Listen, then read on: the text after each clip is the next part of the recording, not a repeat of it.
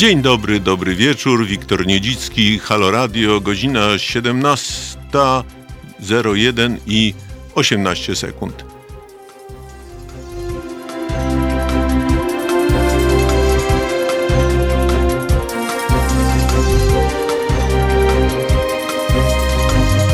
Halo Radio.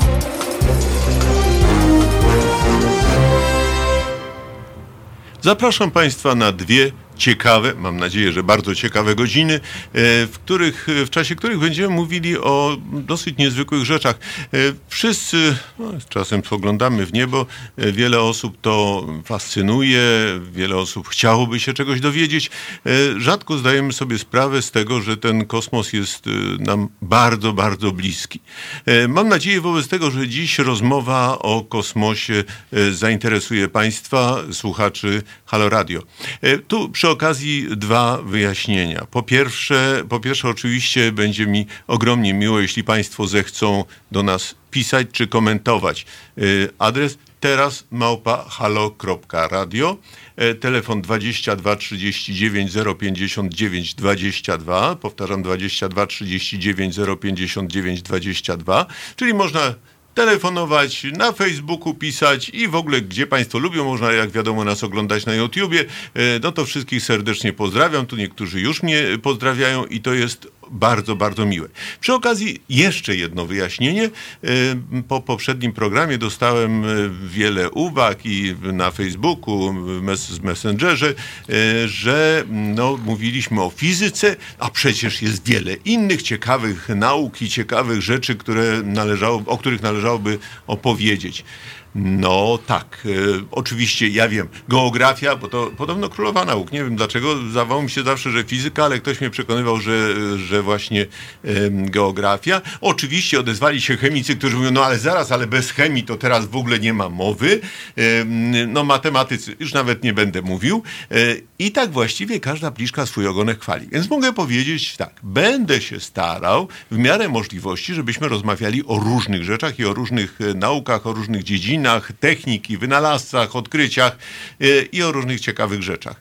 No ale właśnie y, no to wszystko będzie zależało od tego, na ile Państwu się to spodoba.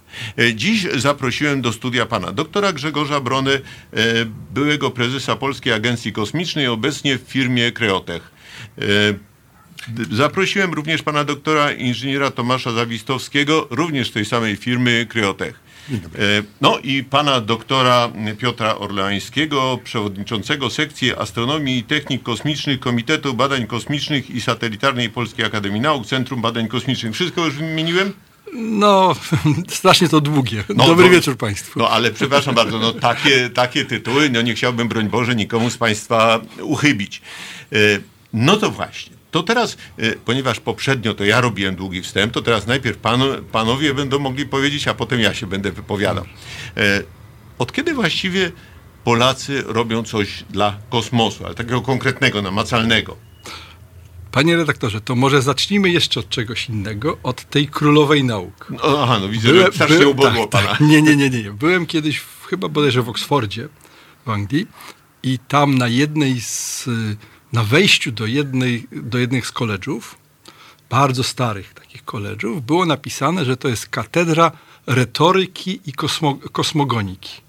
O, także ciekawe połączenie. Ciekawe połączenie i połączenie świadczące o tym, że, że jednak ta, ta, ta astronomia, czy, czy, czy kosmogonia kiedyś, jak to nazywali, to jest jednak bardzo, bardzo stary i bardzo szacowany, szacowny no generalnie rzecz biorąc, wie pan, to jeżeli już tak mówimy i o, jeszcze nie, nie weszliśmy w temat, a już mamy ciekawe e, sprawy, no to wiadomo, że ta astronomia prawdopodobnie należała do jednych z najstarszych nauk, no potem się co prawda przerodziła w astrologię, która no, jedni mówią, że jest nauką, drudzy, że nie.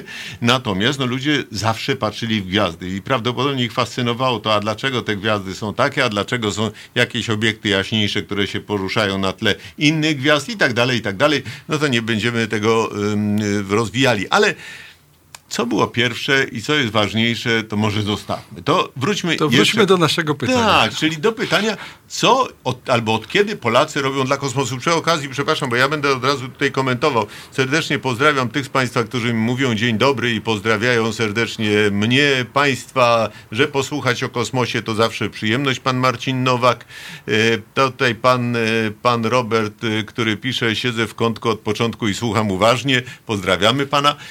Dobrze, to od kiedy coś robimy dla kosmosu? Mówimy o erze nowożytnej oczywiście. No tak, tak. Od około 40 lat. Y, Centrum jako firma y, powstało bodajże 42 lata temu i od początku uczestniczyło w programach kosmicznych. Y, Początkowo duży udział w tych programach miał również Instytut Lotnictwa. On później przestał y, tak powiem, uczestniczyć w projektach naukowych.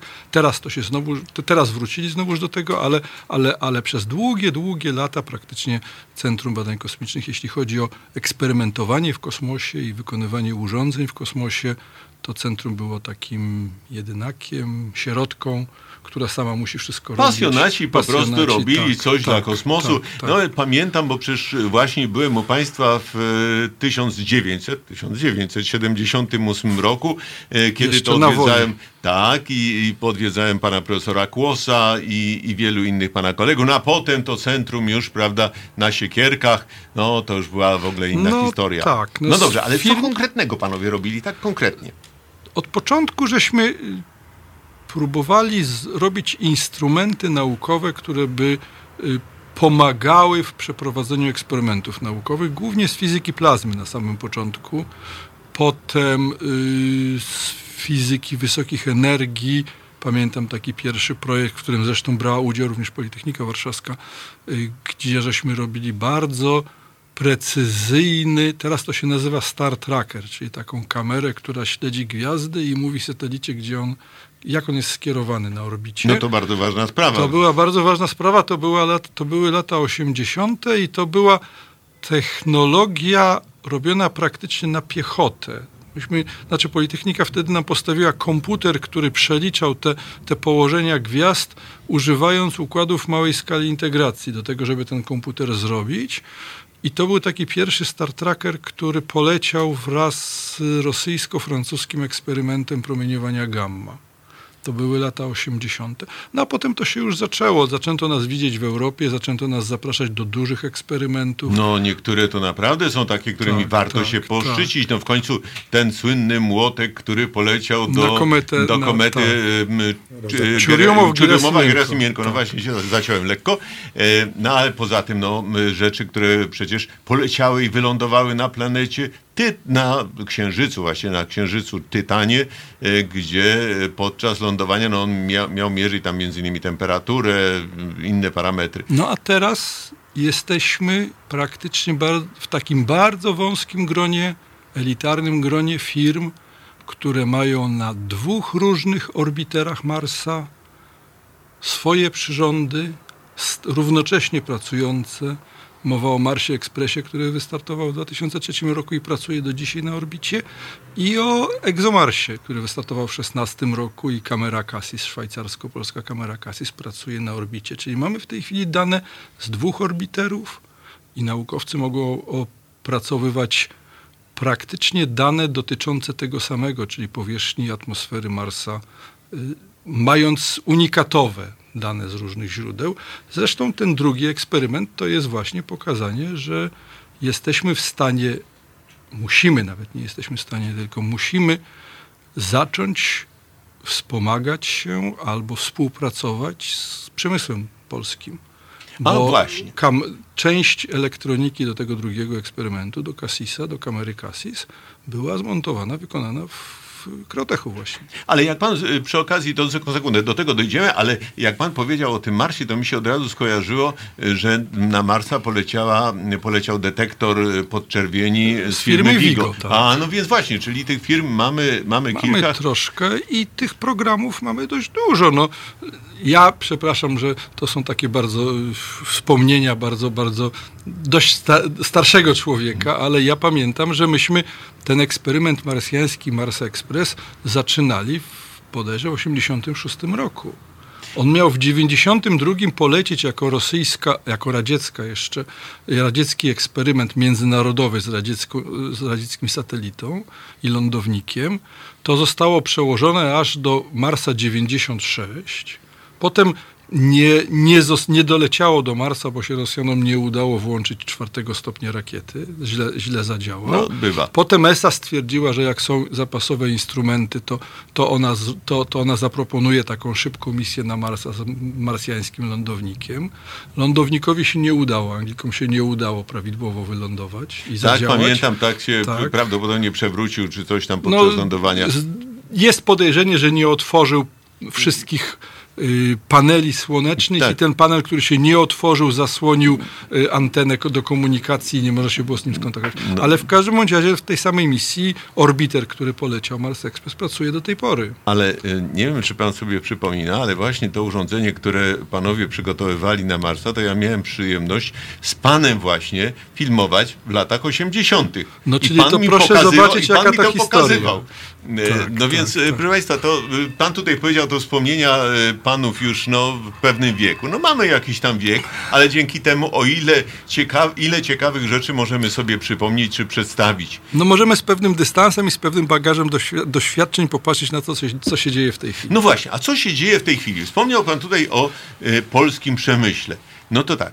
E, niektórzy bardzo dobrze wiedzą, nasze władze też się chwalą, że mamy polski przemysł kosmiczny, on się rozwija tak prężnie i w ogóle jest naszą dumą.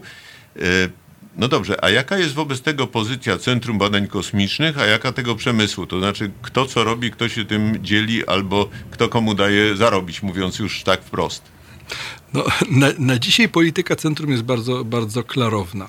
My nadal robimy dużo instrumentów naukowych, przestaliśmy je produkować.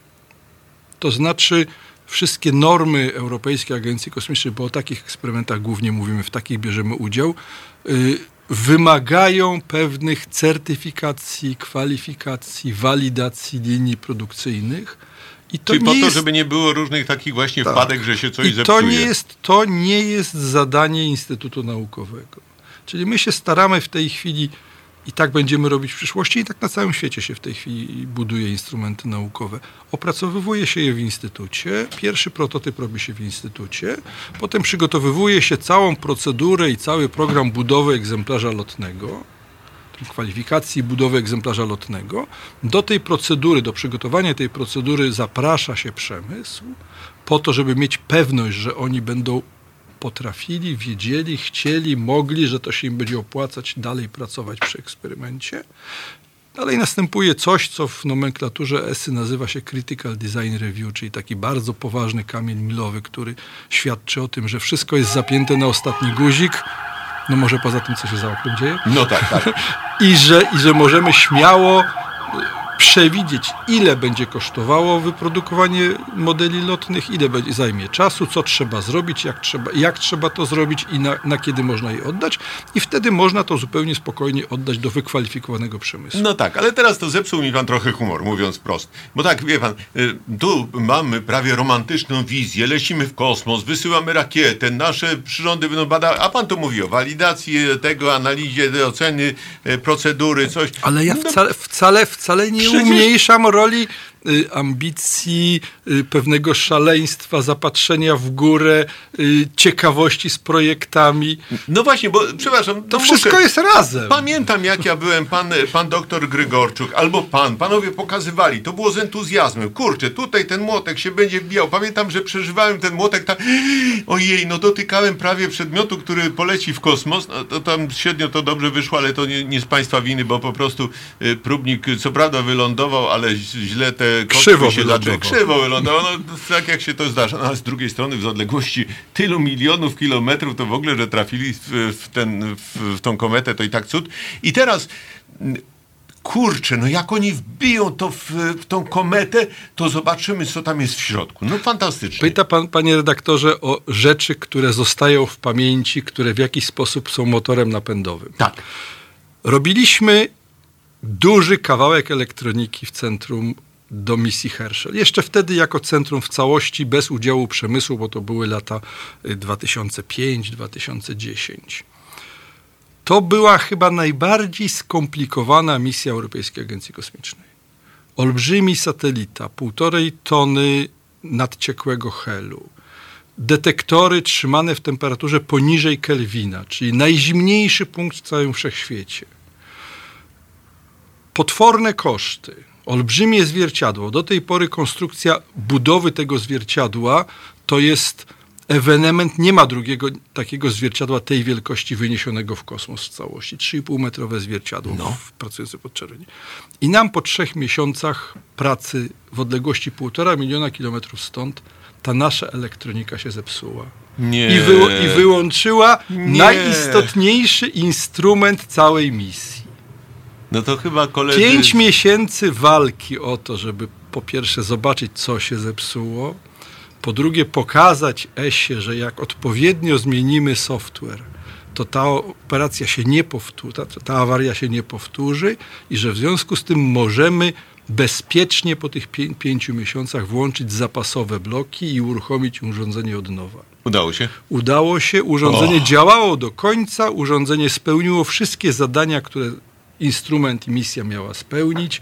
Nam zostało początkowo wielkie przerażenie, potem 5 miesięcy pracy 24 na 7, a teraz po prostu nigdy nie miałem tylu propozycji uczestnictwa w innych projektach, jak po tym zdarzeniu. To rozumiem. I No tu ja- chciał pan- Ja już przeżyłem, wie pan, No jak pan to właśnie. opowiada. Ale wie pan, no to proszę sobie wyobrazić teraz, jak się czuł ten, który e, programował e, tą krzywiznę lustra do e, teleskopu Hubble'a, jak się okazało po Że ona jest nie taka, jak że on trzeba. ma po prostu zeza. No, po, no tragedia kompletna, ale też sobie jakoś Czyli poradzili. inaczej, można być fantastą, oglądać gwiazdy i być no, miłośnikiem astronomii dla samej astronomii. Można nawet w pracy inżynierskiej znaleźć sobie takie ciekawe momenty, które zostają na przyszłość i są bardzo istotne i w jakiś sposób budują człowieka.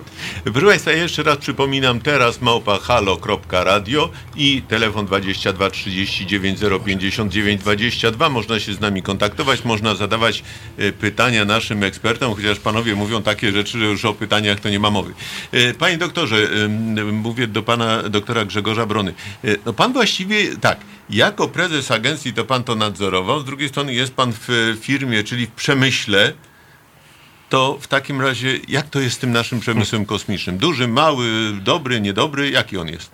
To zależy, kto się wypowiada na temat przemysłu kosmicznego. Czasami A, jeszcze- przepraszam, jeszcze, jeszcze, to do kamery pokażę, bo to jest książka pana doktora Brony, proszę bardzo. E, Człowiek, istota kosmiczna. Naprawdę super ciekawa. Wie pan, e, dostałem Dziękuję od, bardzo. pana w prezencie, przeczytałem to, siedziałem do późnej nocy, na, nawet do, do niejednej nocy, bo to jednak w jedną się nie dało przeczytać, ale, ale jestem pełen szacunku. Naprawdę, jak ktoś z państwa gdzieś znajdzie w księgarni, to warto kupić, bo takiego zestawu informacji o kosmosie i polskim udziale to państwo nie znajdą. Dziękuję bardzo, również, również polecam.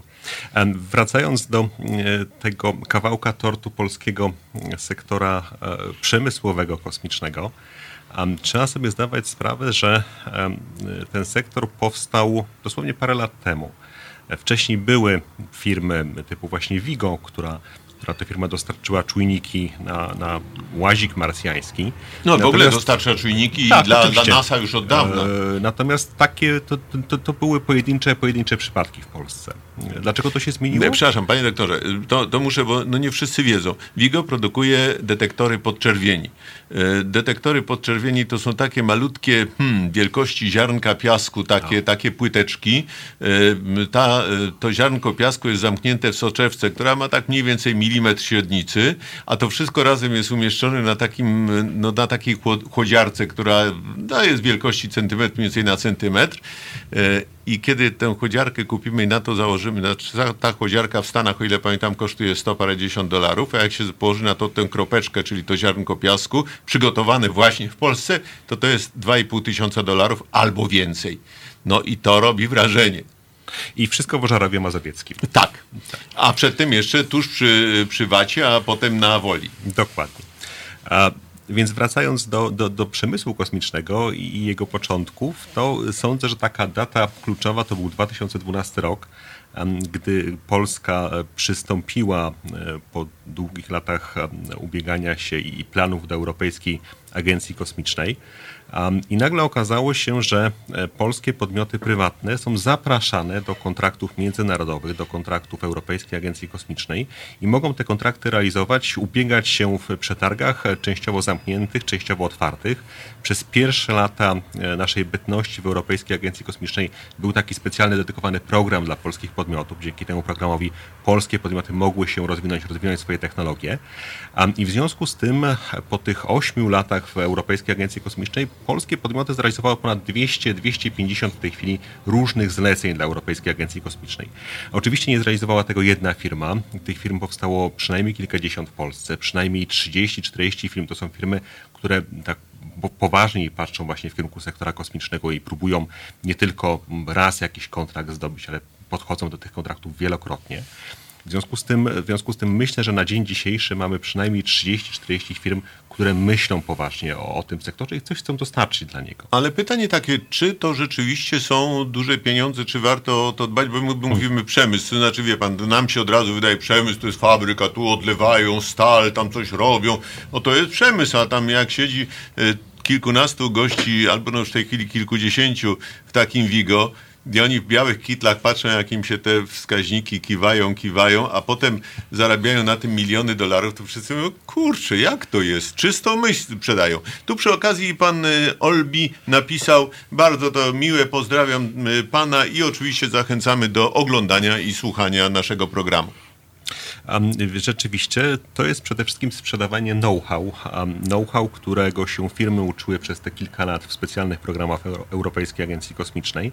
Czy to są wielkie pieniądze na dzień dzisiejszy? Nie, to nie są wielkie pieniądze. Polska składka do Europejskiej Agencji Kosmicznej, bo Europejska Agencja Kosmiczna jest utrzymywana ze składek poszczególnych krajów, to jest mniej więcej 36 milionów euro rocznie. To jest nieporównywalnie mniej ze składkami niemieckimi, francuskimi no tak, tak. E, i tych wielkich, wielkich, starych unijnych państw, które za składki wynoszą kilkaset milionów euro. I z tych 36 milionów euro do Polski wraca większość pieniędzy właśnie w postaci różnych kontraktów. W tych kontraktach oczywiście biorą udział zarówno firmy prywatne, jak i instytuty naukowe, dostarczając czy to elektronikę, czy to właśnie kawałki mechaniki, te słynne polskie młotki, też marsjańskie ostatnio, e, ale też dostarczają software, czyli oprogramowanie do analizy danych chociażby, czy do przetwarzania sygnału z, z, z sieci Galileo, czy sieci GPS. E, więc zarówno mamy te firmy, które patrzą e, bardzo mocno w kierunku tego, co nad nami lata i chcą, chcą się w tych w pewnych aspektach specjalizować, jak i mamy te firmy, które analizują dane przychodzące do nas właśnie z przestrzeni kosmicznej. No dobrze, ale to, to jeszcze, że tak powiem, przycisnę pedał do dechy. No to, to przepraszam, ale po co? Czego my tam szukamy w tym kosmosie? No przecież równie dobrze moglibyśmy te pieniądze nawet ba, większe pewnie zarobić na, nie wiem, sprzedaży mebli, jabłek albo, albo czegokolwiek innego.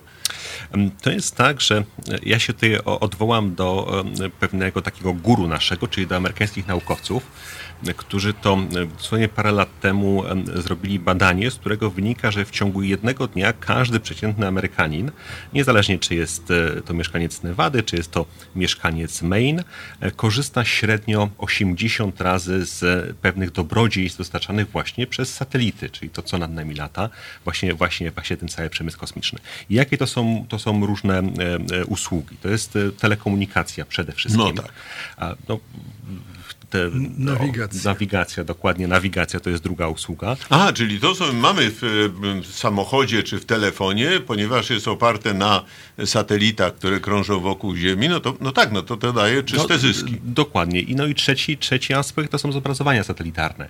Um, takie zobrazowania, które mamy w Google Earth, z którego każdy praktycznie dzisiaj korzysta, ale też takie zobrazowania związane z przewidywaniem prognoz pogody. Więc tych um, dobrodziejstw pochodzących z kosmosu jest rzeczywiście mnóstwo mnóstwo i praktycznie nikt się z nas nie zastanawia, sięgając właśnie po komórkę, że ten sygnał, który odbiera, sygnał GPS, czy mapy satelitarne, które przegląda, to są właśnie aspekty związane no, z rozwojem tego przemysłu, o, o, którym większość osób mówi, że to jest po prostu marnowanie pieniędzy. Natomiast to nie jest właśnie marnowanie pieniędzy, to jest fundowanie pewnych usług, pewnych możliwości, które potem trafiają do różnych obszarów gospodarki. No właśnie, o tym jeszcze mam nadzieję, że za chwileczkę powiemy, ale mm, tak, e, powiedział Pan o tych e, no, małych w sumie sumach jak na, jak na przemysł, no to te tam 30 parę, zwłaszcza 30 parę milionów e, dolarów i podzielone jeszcze na ileś firm, no to co, to każdy dostaje taki ochłap malutki. To jak to jest przemysł kosmiczny? Rzeczywiście polski przemysł kosmiczny w tej chwili się specjalizuje w niewielkich podsystemach. Wciąż nie przenieśliśmy się o piętro wyżej, nie dostarczamy całych systemów.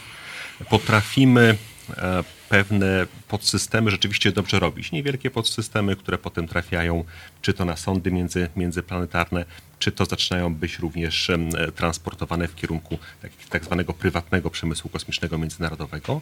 Natomiast wciąż przez to, że nie mamy aż dostępu do takich dużych funduszy jak Amerykanie, czy Niemcy, czy, czy Francuzi, no, nie wykształcił się ten taki bardzo twardy polski przemysł kosmiczny, który na przykład polega na produkcji rakiet, na produkcji satelitów, czy innych bardzo złożonych systemów. Ale no, pracujemy nad tym powoli. No wie pan, rakiety to ja nie bardzo wierzę w to, żebyśmy wyprodukowali, zostawmy to innym. E, no ale przepraszam bardzo, obaj panowie reprezentują znakomitą firmę, no ja bym powiedział wiodącą w sektorze kosmicznym e, w Polsce. No to może, e, panie doktorze, może zechciałby pan doktor Tomasz Zawistowski, może zechciałby pan powiedzieć, to co państwo pro, produkują, no wytwarzają, tak konkretnie?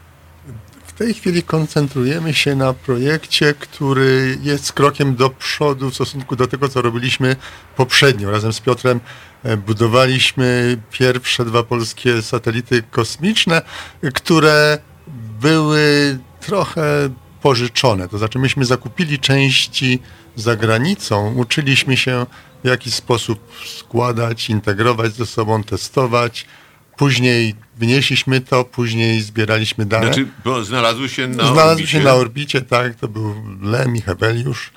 I zespół, który budował, y, uczestniczył w tym projekcie, budował te satelity, to jest zespół, który uzyskał ogromne doświadczenie i w tej chwili jego członkowie są w kilku bardzo znamienitych firmach, nie tylko w Polsce.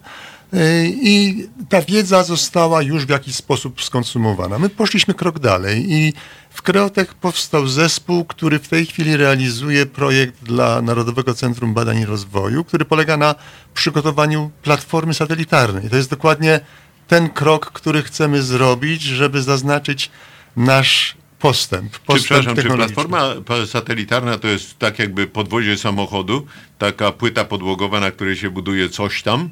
Ktoś to dowcipnie określił, to jest gaz, śmieci i elektryczność, którą my dostarczamy, natomiast oferujemy to e, dostawcy, może to być e, naukowiec i mówimy, proszę przygotować instrument, który my zamontujemy na tym satelicie i ten satelita będzie spełniał wymagania misji, które temu instrumentowi są podporządkowane. E, do, tego jeszcze wrócimy. Przepraszam, ale tutaj akurat ja muszę tak równocześnie panowie, słuchacze, żeby to wszystko jakoś ogarnąć. E, pan, e, pan tutaj Dry Hay napisał tak. James Webb Space Telescope leci za rok, o ile ponownie nie odroczą. Polska nie bierze w tym projekcie udziału, a Czesi biorą.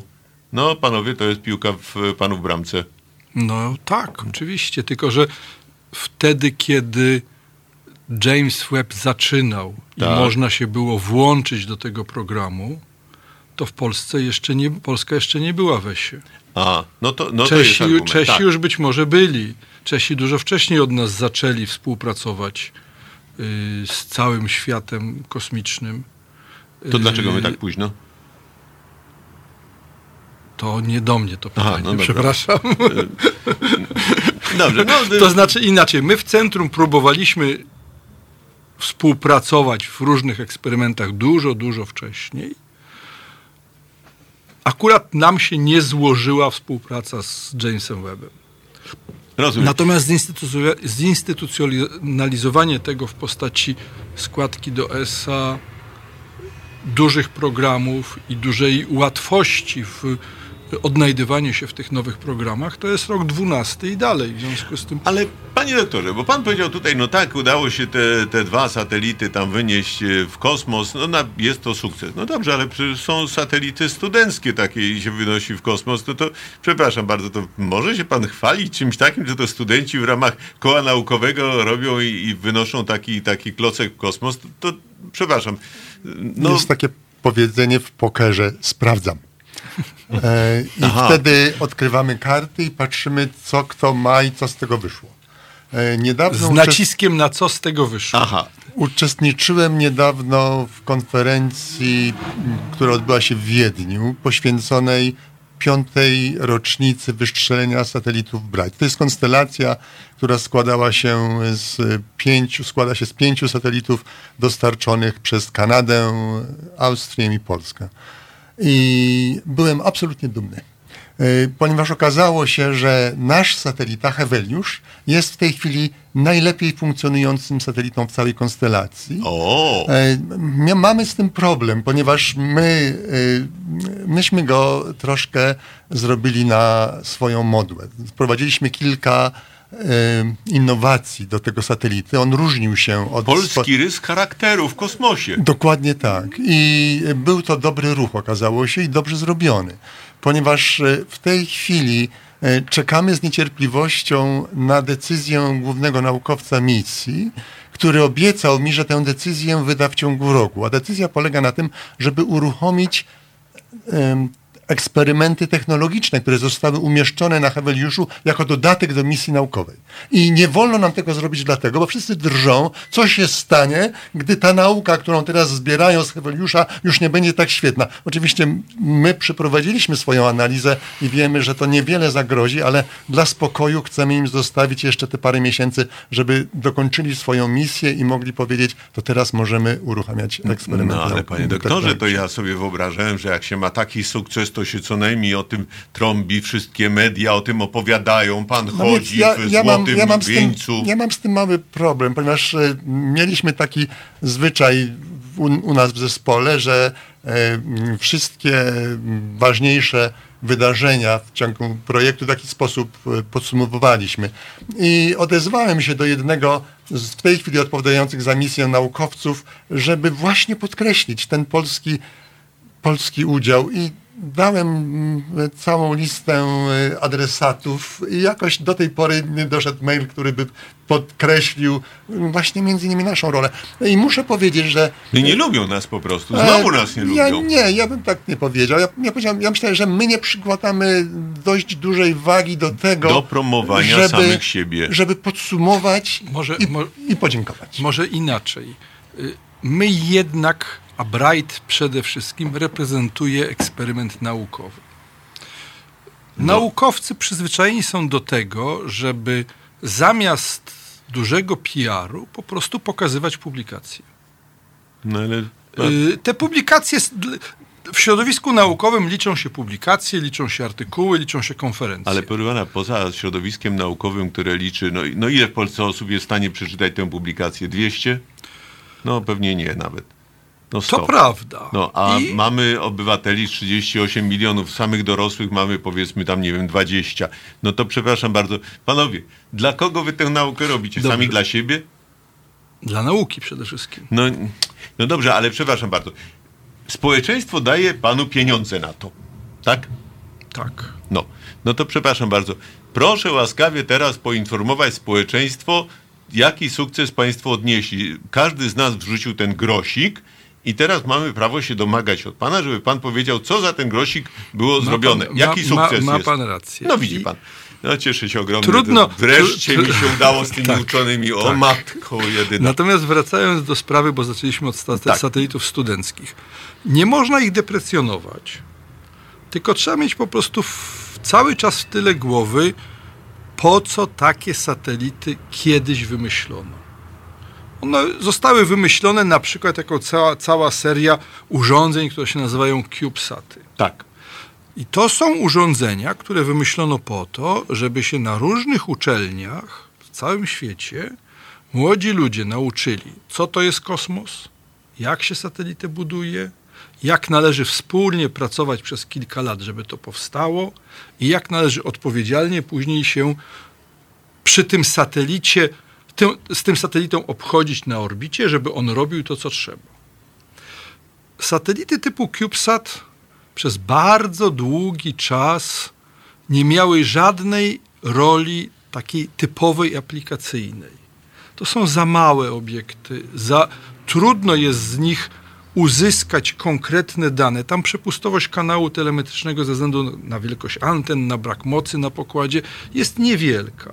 W związku z tym, nawet jeżeli to się w tej chwili trochę zmienia i powstają pomysły budowy, wykorzystania tych satelitów do innych celów, to jak na razie te cele są jeszcze bardzo, bardzo, bardzo dalekie i satelity powinny być używane do tego, do tego, do czego zostały przewidziane. Po to jest cała sieć sklepów, w których można te satelity praktycznie spółki kupić. 100 tysięcy dolarów kosztuje kupienie elementów do takiego CubeSata i można go sobie później w, w znaczy, gronie studentów ka złożyć. Każdy z nas może to zrobić. No nie mam 100 tysięcy tak. dolarów chwilowo, ale gdyby tak ktoś z Państwa chciał, to możemy tutaj oczywiście, nawet jako słuchacze Halo tak. Radio po prostu zbieramy, Potrzebne, potrzebne i... jest Panu 100, 150, może 200 tysięcy.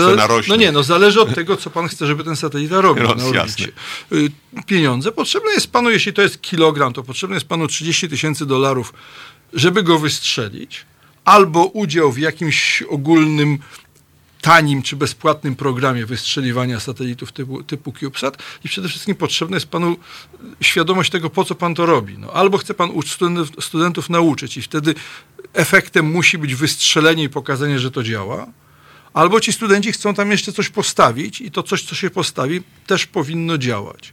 To są to tak jest jak z tymi łazikami marsjańskimi. Ja jestem pełen szacunku dla polskich studentów, którzy budują łaziki marsjańskie, ale nie dlatego, że oni wygrywają konkursy, że oni robią fajne rzeczy. Które to, się uczą czegoś. Nie, to mają psi obowiązek, są dobrzy i mają psi obowiązek pokazać, że są dobrzy i że dobrze to robią.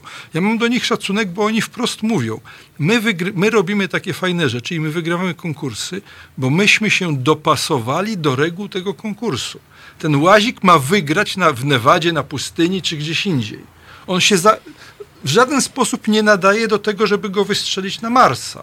To nie jest ta technologia, jeszcze mnóstwo, mnóstwo brakuje tego, że, tylko że oni są, oni są tego świadomi i oni nie mają żadnych takich hura że tak powiem, bałwochwalczych w stosunku do siebie y, pomysłów, że kim to oni nie okay. są. To my jako, znaczy, to, że tak powiem, my jako społeczeństwo robimy z nich, że tak powiem, ponieważ potrzebujemy no sukcesu, no, to robimy z nich... Potrzebujemy sukcesu. Dokładnie. Dobrze pan to powiedział, panie doktorze. I to teraz, panowie, gdzie są te sukcesy tego polskiego przemysłu kosmicznego i Tutaj proszę bez tej fałszywej skromności, bo to naprawdę ja rozumiem, że publikacje, że tego, że nauka, że cytowania, że lista filadelfijska, wszystko to rozumiem. Tylko w dalszym ciągu podatnik, słuchacz naszego radia, mówi, no dobra, fajnie, dałem na to te swoje tam 50 groszy czy coś. Co my z tego mamy albo jaki sukces odnieśliśmy? Panie doktorze, jakie z tymi sukcesami są, czy ich nie ma? Mm, są, oczywiście, że są. No, jednym z sukcesów jest dokładnie to, o czym tutaj pan doktor wspomniał, czyli wygrywanie dość istotnych zawodów i, i, nauka, którą pobierają nasi studenci właśnie w związku z tym. Ale tych sukcesów można też szukać po stronie czysto komercyjnej. Myśmy rzeczywiście jako Polska, polskie, polskie podmioty przez wiele lat korzystali z funduszy Europejskiej Agencji Kosmicznej. Uczyliśmy się czy to montażu elektroniki, czy to projektowania elektroniki, czy to projektowania mechaniki, czy to projektowania innych podsystemów satelitarnych i powoli te podsystemy zaczynamy sprzedawać już, już poza Europejską Agencją Kosmiczną. Nie, sta, nie stanie się to z dnia na dzień, to się dopiero, do, dopiero pojawiło powiedzmy dwa lata temu, natomiast w ciągu najbliższych kilku lat myślę, że nasze produkty, polskie produkty kosmiczne pojawią się w megakonstelacji tak zwanych. Bo o, o, co, o co mi chodzi? Chodzi mi o to, że w tej chwili zupełnie się zmienia cały rynek kosmiczny na świecie. Na ten moment w przestrzeni kosmicznej jest około 3000 satelitów aktywnych pomiędzy rokiem 2020 a 2030 są, są pewne perspektywy nie na podwojenie, nie na potrojenie tej liczby, ale zwiększenie jej powiedzmy o czynnik nawet 10. Niektórzy mówią, że do 2030 roku będzie to 30-40 tysięcy aktywnych satelitów Tłok na orbicie. w kosmosie. Tłok w kosmosie i większość satelitów to będą prywatne satelity, tak zwane megakonstelacje, e, które to megakonstelacje będą musiały być składane z pewnych klocków, z pewnych podsystemów dostarczanych przez różne firmy na całym świecie. Mam nadzieję, nadzieję, że część z tych podsystemów będzie zaprojektowana i wyprodukowana właśnie w Polsce. Czy to mechanika, czy to, czy to elektronika, czy to właśnie software. No nasze firmy specjalizują się w pewnych obszarach, które właśnie do takich mega konstelacji będą mogły być używane w, w najbliższej perspektywie 10 lat. Proponuję teraz, żebyśmy y, dali chwilę y, odpoczynku słuchaczom i naszym widzom. No wiadomo, że trzeba przerwać, nawet pójść do toalety, y, zrobić sobie herbatę. My akurat jeszcze herbatę mamy i wracamy po chwili przerwy. Halo Radio. Pierwsze radio z wizją. Przed mikrofonem Wiktor Niedzicki. Y, Mam przyjemność prowadzić dwie ciekawe godziny. Dostaliśmy komplement, panowie. Fajne te dziadzie. Naprawdę urocze. Y, Dziękujemy bardzo. Oczywiście śledzę cały czas, co państwo piszą. I na przykład pan Danielus. Ciekawe, czy dożyje takich czasów, że Polska będzie mieć własny program kosmiczny, własnych astronautów i własne sondy kosmiczne. Ech, pięknie by było. No, chyba byłoby pięknie. No było, byłoby pięknie i może będzie, znaczy może. Pan doktor Piotr Orleański. Na pewno będzie pięknie i na pewno będziemy mieli własne satelity Będziemy i mieli? własny program kosmiczny. Ja jestem, A, ale inaczej, mamy własne satelity. No. Własne satelity Mówiliśmy mamy, to po pierwsze. Mamy większy problem z tym, żeby, No, no bo żeby je, mamy oczywiście, no tak. żeby je formalnie, formalnie y, mieliśmy większy problem z tym, żeby je formalnie zarejestrować na orbicie niż, niż, niż, niż z tym, że żeśmy rzeczywiście, że one są nasze. Y, Ja bardzo panu Szymonowi dziękuję za te bardzo fajne te dziadzie, y, ale panie Szymonie, problem polega na tym, że chociażby u nas w centrum większość moich kolegów ma w tej chwili 30-40 lat. Ale Czyli nie są mają naprawdę pana młodzi. doświadczenia, ale pana doświadczenia nie mają. Nie, oni po prostu w tej chwili albo siedzą jeszcze w pracy i kończą kolejny model do Sobotę? oddania. Oczywiście, że tak.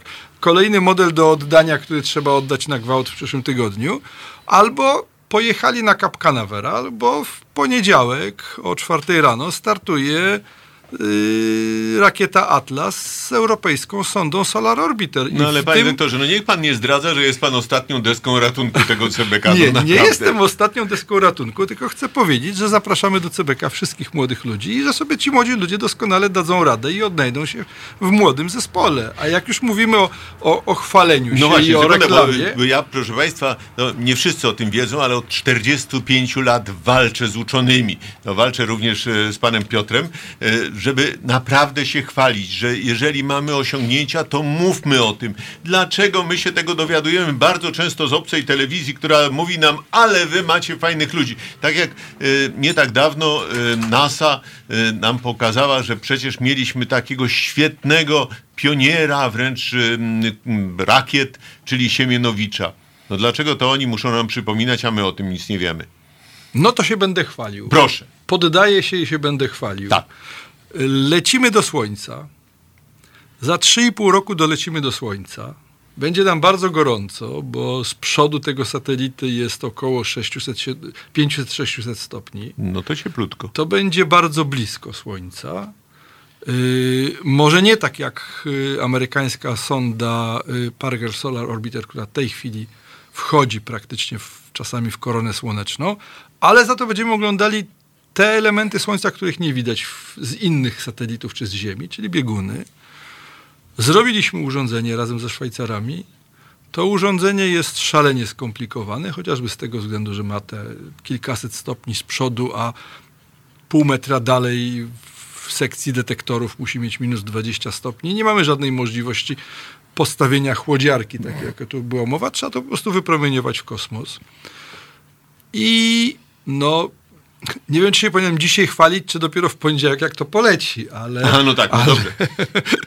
ale rzeczywiście zapraszam, proszę wejść na stronę chociażby Europejskiej Agencji Kosmicznej. Tam o czwartej rano będzie w poniedziałek cała transmisja ze startu jednej z y, ostatnio najbardziej skomplikowanych misji ESY. Super, no trzymamy kciuki i w ogóle, proszę pana, jak będą wyniki, to poprosimy koniecznie, żebyście pa- państwo się pochwalili, co my stamtąd się dowiadujemy. Wyniki są istotne, bo będziemy obserwowali wybuchy na Słońcu i te wybuchy na Słońcu się jednoznacznie prze, przenoszą na to, co się, co się dzieje wokół Ziemi.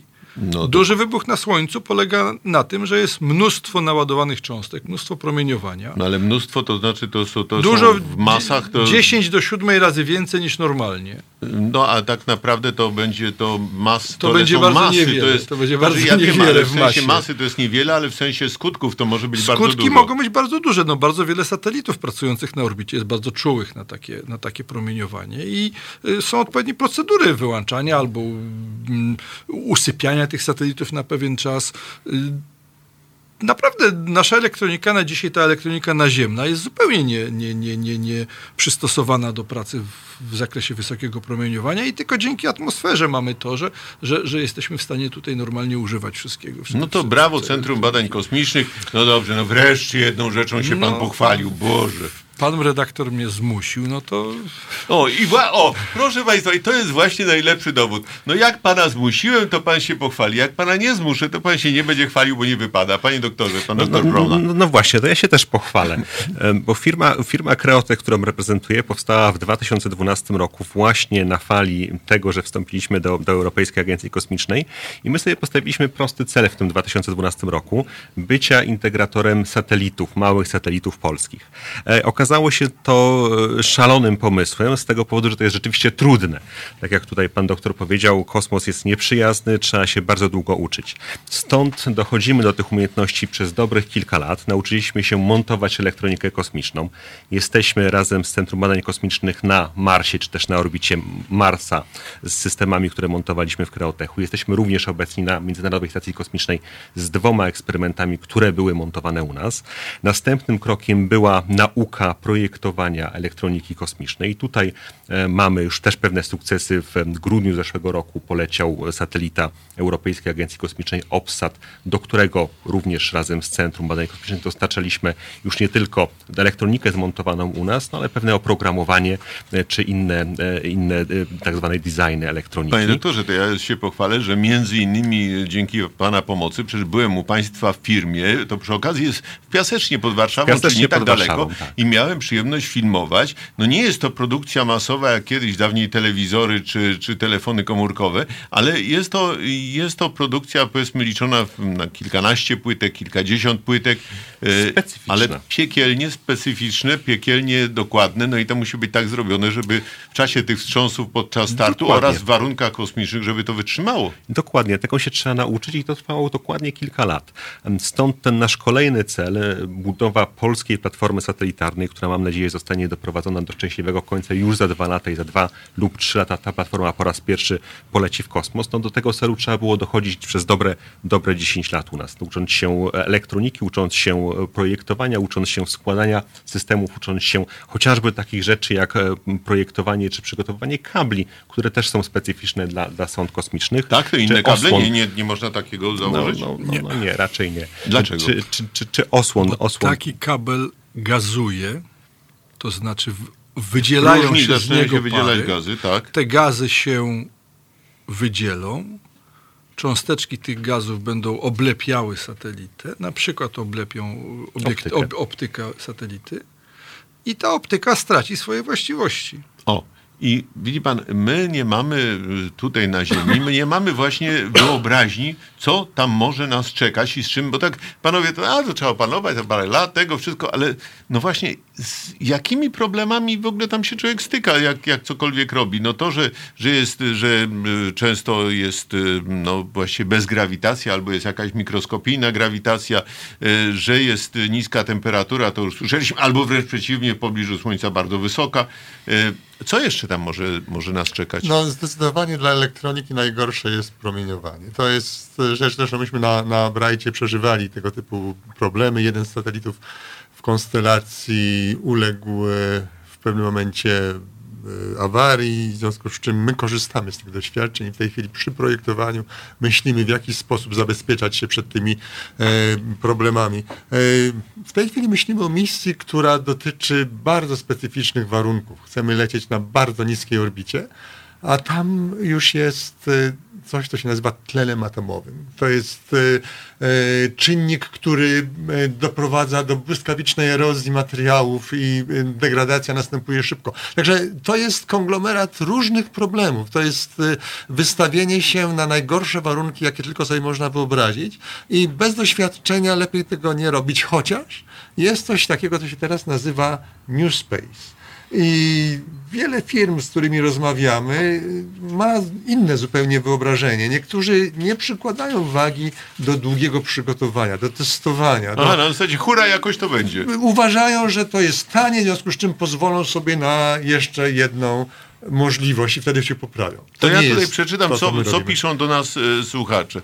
E, czy, no tutaj ktoś tam pyta, e, a to my mamy przemysł kosmiczny, no jak już od godziny Państwu staramy się opowiedzieć, mamy. No nie jest to oczywiście przemysł na miarę e, zakładu produkującego samochody w Tychach, no ale mimo wszystko jest to przemysł kosmiczny. Drugie pytanie, które jest bardziej, ja bym powiedział tak a propos Pana wypowiedzi, e, gdzie są robione testy tych wytwarzanych podzespołów? Dobrze. Y, To znaczy, ja bym chciał w ogóle nawiązać do tego tematu. Tak. Pan doktor Zawistowski mówił o promieniowaniu. To jest rzeczywiście największy problem. Można stracić właściwości elementów elektronicznych po pewnym czasie, a można w ogóle spowodować, że komputer głupieje w ciągu Czy to jest tak, jak momentu. kiedyś pokazywali Amerykanie, że tam the day after, jak bomba spada, to wszystkie urządzenia elektroniczne Na nagle przykład. wysiadają? No inaczej. Y, Ta awaria, o której ja mówiłem przy Herschalu, dokładnie polega na tym, że bardzo wysokoenergetyczna cząstka wpadła do pamięci procesora, zmieniła jeden bit i pro- procesor zaczął robić takie rzeczy, których nie powinien robić. O. No tak. To jest promieniowanie, ale y, tlen atomowy jest istotny dla niskich orbit i to powiedzmy jest specyficzne. Natomiast mamy przede wszystkim wszystkie zagadnienia temperaturowe. Nie mamy tam powietrza. W związku z tym jedyną możliwością wypromieniowania ciepła, nie wiem czy Państwo sobie zdają sprawę, że każdy element elektroniczny, który używamy, wydziela ciepło. Ile problemów jest z tym, że trzymając laptopa na kolanach mamy nagle gorące kolana? Albo telefon komórkowy, Albo aż przy uchu i ucho jest gorące. To ciepło nie ma się gdzie w kosmosie, jak z tego elementu wydostać. I to nie jest tak, że tylko jak się leci do Słońca, to mamy kilkaset stopni. Proszę Państwa, na satelicie, który lata wokół Ziemi, na drążku, powiedzmy takim wysięgniku, gdzie są jakieś czujniki poza satelitą, jeśli to jest nasłonecznione, będzie 200 stopni. Jeśli to jest w cieniu, czyli zasłonięte na przykład satelitą od Słońca, będzie minus 100 stopni. I to musi wytrzymać I to takie musi, skoki. oczywiście, a w samym, na, w samym satelicie, który jest względnie dobrze osłonięty y, specjalnymi osłonami, takim multi-layer isolation, w okolicach Ziemi mamy temperatury no, praktycznie bardzo dobre, minus 20 plus 50 stopni. W zasadzie elektronika wytrzymuje, ale wystarczy, że element, z którego wydzielamy ćwierć wata, jest niedobrze przymocowany do, tego, do, do, do korpusu satelity. I koniec. I on się ugotuje w ciągu 10 sekund. Y- To jest jeden z podstawowych elementów i problemów. I to, co Tomek zaczął mówić o y, Space 4.0, czyli New Space, czyli takim podejściu zrobimy, a potem zobaczymy, czy będzie dobrze. Nie zobaczymy, proszę Państwa. Nic nie zobaczymy. To znaczy inaczej, no, y, to sobie gdzieś leci, no, 300 kilometrów od nas, 700 kilometrów od nas, 10 tysięcy kilometrów od nas. Jak to jest zepsute, to nie ma z tym żadnego kontaktu. Jak to jest zepsute tylko częściowo, to, szczęś, to szczęśliwie być może inżynierowie mają jakiś częściowy kontakt, ale żadnej naprawdę poważnej, znaczy to, żeby móc zrobić poważną analizę tego błędu, który powstał, to, to trzeba mieć dużo szczęścia. My- Myśmy w Herschelu mieli dużo szczęścia, ja nie ukrywam tego. No dobrze, to w takim razie dalej y, da, zadaję pytanie, które zadał nasz słuchacz. Gdzie są robione testy tych Już wytwarzanych mówimy. podzespołów? Testy są robione na specjalnych stanowiskach. No, start Znaczy to jest... państwa? Nie, nie, w całej Europie, nawet w Polsce jest dużo takich stanowisk. Y, Start rakiety to jest mnóstwo przeciążeń akustycznych, wibracyjnych i tak dalej. I takie urządzenia do testowania są praktycznie, to są te same urządzenia, które się używa do testowania samochodu, czy testowania pralki, czy testowania typowego sprzętu komercyjnego, czy w wojsku na przykład. Teraz badania elektromagnetyczne, to żeby ten satelita był spójny A elektromagnetycznie. to widziałem we Wrocławiu taka instalacja na Politechnice. Ktoś mi powiedział, że w Polsce jest największy, najlepszy stosunek ilości laboratoriów y, badań elektromagnetycznych do ilości w ogóle inżynierów. Aha, no tak. No ale to można zrobić Problem jest tylko taki, że jak testujemy urządzenie, które ma polecieć, to ono powinno być testowane w czystych warunkach, czyli te laboratorium powinno być czyste albo trzeba zapewnić czystość. Problemem jest temperatura i próżnia. To teraz, przepraszam bardzo, znowu, znowu dopuścimy słuchaczy. Ja przeczytam tak. Po pierwsze, tutaj ktoś pisze, no panie Niedzicki, zaraz, zaraz, teraz się coś przewinęło, bo się zaczął ruch straszny, ale ja się cofam. No panie Niedzicki, czy Polska i polska technologia w latach 2020 nie jest w stanie wybudować silnika F1 z programu Apollo? No tego to akurat nie wiem, może Ja, panowie wiedzą. ja też nie wiem. A, nie- wiem, nie że wiem. w Instytucie Lotnictwa E, silniki Mo- zaczynają robić. Może, może nie takie duże, ale mniejsze budują w Instytucie Lotnictwa. Co więcej, wyposażają w nie rakiety. Mamy, mamy programy rakietowe w Polsce. Rakieta Bursztyn z Instytutu Lotnictwa. Co prawda nie rakieta jeszcze kosmiczna, natomiast rakieta, która ma docelowo latać na 100 kilometrów i wyżej. No i druga rakieta e, o niesamowicie dobrze brzmiącej nazwie Bigos, która teraz zamienia się w rakietę Perun e, spółki Space Forest z Gdyni, która również ma latać na przynajmniej kilkadziesiąt kilometrów. I te rakiety wyposażone są w silniki. Te silniki bardzo dobrze działają. Nie są to F1 z e, Saturna V, natomiast no, nie oszukujmy się, na Księżyc na razie jeszcze nie będziemy lecieć. Nie, nie mówiąc już o tym, że musimy te rakiety gdzieś przetestować i niestety Polska nie ma najlepszego To prawda. położenia geograficznego no do tak. tego, żeby strzelać rakiety. Albo będziemy mieli problem z Niemcami, ze Szwedami, a najgorzej to z Białorusią i z Rosją. No, I tak źle, i tak niedobrze. Inne pytanie, przepraszam. Od razu ja tak spróbujemy. E, Panowie, bez bajek. My jesteśmy i będziemy tylko podwykonawcą dla innych agencji kosmicznych. My nigdy nic sami nie zrobimy.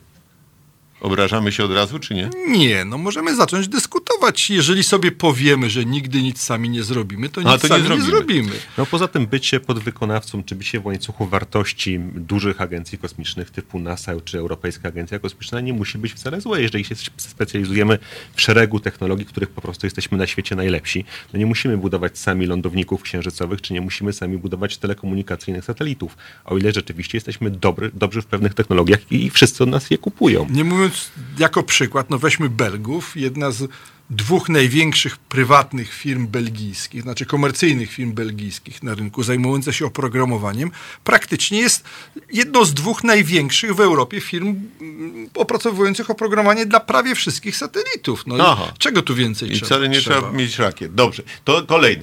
Mnie się marzy wkład nauki w rozwiązywanie aktualnych problemów przyziemnych, jak no, przemoc, ból, alkoholizm. No, w przemocy, bólu i alkoholizmie to chyba kosmos nam niewiele pomoże, no może trochę, ale, ale inne problemy e, rozwiązywane są i, i o tym, ale o tym powiem za chwileczkę. To teraz kolejna sprawa. Słucham was, dziadzie, w cudzysłowie, z naddeski do prasowania, pozdrawiamy, i z maluchami w tle. Zazdroszczę, że komuś realizują się moje marzenia zawodowe. Szkoda, że jak będę miała czas na pracę, to dla mnie już będzie za późno. Dlaczego za późno? Nie wiem, zapraszam. Jeżeli, Nie, no to- jeżeli, jeżeli tylko no, Centrum Badań Kosmicznych, czy, czy, czy, Przepraszam. czy ileś firm w Polsce, trzeba wejść tylko na internet i Pani zobaczyć. Agnieszko, bo w- to przepraszam bardzo, y, jeszcze, y, panie doktorze, no chyba by pan przyjął młodą kobietę. Każdego bym przyjął, Aha, kto każdego. chce pracować i kto, kto, kto, kto ma coś dobrze poukładane w głowie. No po prostu. Tutaj jest akurat te- tej różnicy temperatur, o której, o której pan mówił, e, nie da się wykorzystać poprzez zastosowanie efektu Peltiera. E, Efekt Peltiera to jest taka jak gdyby no, odwrócona lodówka, prawda? Może, może by się i dało, ale przede wszystkim trzeba z nim walczyć, bo miejsc, w których się zastosuje ten efekt Pel- Peltiera jest niewiele, a systemów, które mają problem z wydzielaniem ciepła na satelicie jest multum. Dobrze. O komputerze kwantowym nie będziemy mówili, bo to troszeczkę jest jakby inny temat. Natomiast widzę, że słuchacze się ożywili i tutaj komentarzy jest bardzo, bardzo dużo. No dziękuję bardzo. Mamy również komplementy, że się dobrze słucha. Cieszymy się ogromnie. Yy, kolejne pytanie. Kosmos kosmosem, ale kiedy doczekamy się w końcu takich baterii, co wytrzymają z miesiąc bez ładowania, może tym by się naukowcy y, priorytetowo pewnie zajęli, powinno być. Y, Tak, y, tu akurat mogę Państwu powiedzieć, że takie badania są prowadzone na Politechnice Warszawskiej, na Wydziale Chemicznym. Jest coraz lepiej, a nasze technologie są kupowane już za granicą. Kupił pewien bardzo duży koncern, nie wiem czy mogę mówić jego nazwę, więc wolę na wszelki wypadek nie ryzykować, bo to się może źle skończyć. Ale weźmy tu pod uwagę jedną rzecz. Czy nie istnieje hamulec, który, że tak powiem, skutecznie zapobiega wdrażaniu takich technologii? O. Czy nie bardziej rynkowi się opłaca zrobić coś, co za trzy tygodnie czy za trzy lata będzie do wymiany, niż robić coś, co będzie służyło przez 50 lat i cały czas. O, i to jest właśnie problem. Y, Warto, warto może na to zwrócić uwagę. Ale mm, y, panowie, to w takim razie jeszcze raz. Mamy y, przemysł, mamy sukcesy, o których pan doktor był łaskaw i pan doktor powiedzieć. Y, Mamy, y, mamy w takim razie y, korzyści. Czy w takim razie no może warto by rozwinąć ten cały przemysł kosmiczny, jak gdyby go forsować, może jakieś programy są potrzebne, wsparcia, nie wiem, rządowe, coś i teraz to my będziemy potęgą kosmiczną. To jest tak, że przemysł kosmiczny nigdy w Polsce się nie staje, stanie kołem zamachowym gospodarki, tak? bo jest po prostu za mały. Jest to specyficzny przemysł, e, który jest pewną niszą. Nie oszukujmy się, to nigdy nie będzie nisza zatrudniająca, tak jak w Stanach Zjednoczonych w czasie szczytu programu Apollo, pół miliona ludzi. E, Wciąż to będzie nisza, która, nie wiem, być może da pracę 10-5 tysiącom e, polskich inżynierów. E, Więc to nie jest wielkie koło zamachowe, to jest raczej taki, jak niektórzy mówią, miejsce wzrostu przemysłu, tak? miejsce, z którego pewne technologie czy pewne sposoby realizacji badań naukowych, sposoby realizacji różnych zagadnień inżynieryjnych mogą migrować do innych obszarów przemysłu, czy to do przemysłu high-techowego, czy to być może nawet do jakichś innych zastosowań, jeśli chodzi o, o choćby o organizację pracy. Stąd jest to rzeczywiście cenne i stąd my, my chętnie patrzymy też na inne e, obszary przemysłu, bo Kreotech się zajmuje nie tylko przemysłem kosmicznym, my dostarczamy elektronikę do wielkich e, infrastruktur naukowych, w tym do CERN-u. Produkujemy elektronikę dla elektromobility, e, przygotowujemy elektronikę dla pewnych zastosowań telemedycznych. Wszędzie tam, gdzie są potrzebne wysokiej jakości produkty, no, my się znajdujemy bardzo dobrze, stąd, że się zoptymalizowaliśmy właśnie pod rozwiązania niezawodne dla przemysłu kosmicznego. Ale to od razu dwa pytania takie. Po pierwsze, cały czas mówimy, no powiedzieliśmy o Wigo, powiedzieliśmy o państwa firmie, no może zechcieliby panowie powiedzieć jeszcze jedną, dwie nazwy firm, które pracują dla tego sektora kosmicznego, no żebyśmy widzieli, że to No, naprawdę jest mówiliśmy, przemysł. mówiliśmy tutaj wcześniej o Astronice, która właśnie robi te Padła, doskonałe tak. młotki, e, które poleciały w kosmos już kilka razy, ale oni robią również pewne inne systemy mechaniczne dla satelitów. Powiedzieliśmy o firmie Space Forest, która z kolei specjalizuje się w e, systemach rakietowych, ale nie tylko systemach rakietowych, bo oni też robią systemy e, e, microwave dla, dla, dla, dla, dla, systemów lotnych, dla systemów satelitarnych. No, takich firm jest rzeczywiście przynajmniej kilkanaście w całej Polsce. No i tych instytutów jest również e, już coraz więcej. Tak? Oprócz CBK jest również Instytut Lotnictwa, który, który my mówimy. CBK, Centrum Badań Kosmicznych, Dokładnie, tak, Centrum Badań. Kosmicznych jest, jest, jest Instytut Lotnictwa, jest PIAP, Państwowa, Państwowy Instytut Automatyki Przemysłu, gdzie takie rzeczy zaczynają w tej chwili No, być ba, na tam topie. są roboty, które. Bo tutaj ktoś nam również zarzucił, ale już nie chcę się do tego cofać, y, że no tak, roboty, roboty marsjańskie, które są y, tylko dla pustyni Nevada, one wcale nie polecą na Marsa. No, gdzieś trzeba zdobyć te doświadczenia. Gdzieś trzeba zdobyć doświadczenia, y, gdzieś trzeba nauczyć ludzi pracowania przy takich, przy takich elementach. Wysłanie czegoś na Marsa jest po prostu potwornie drogie. A może spróbujmy zrobić tak, żeby te roboty. Bo z jednej strony mamy łaziki, z drugiej strony mamy roboty w piapie, które są naprawdę już sprzedawane w wielu No. sztukach do bardzo wielu różnych poważnych Od zastosowań. policji, wojska. Dokładnie, straży pożarnej i tak dalej, i tak Na dalej. całym świecie de facto. Y, To może spróbujmy się skupić na przykład na Księżycu. Bliżej, taniej. Albo spróbujmy się skupić na tym.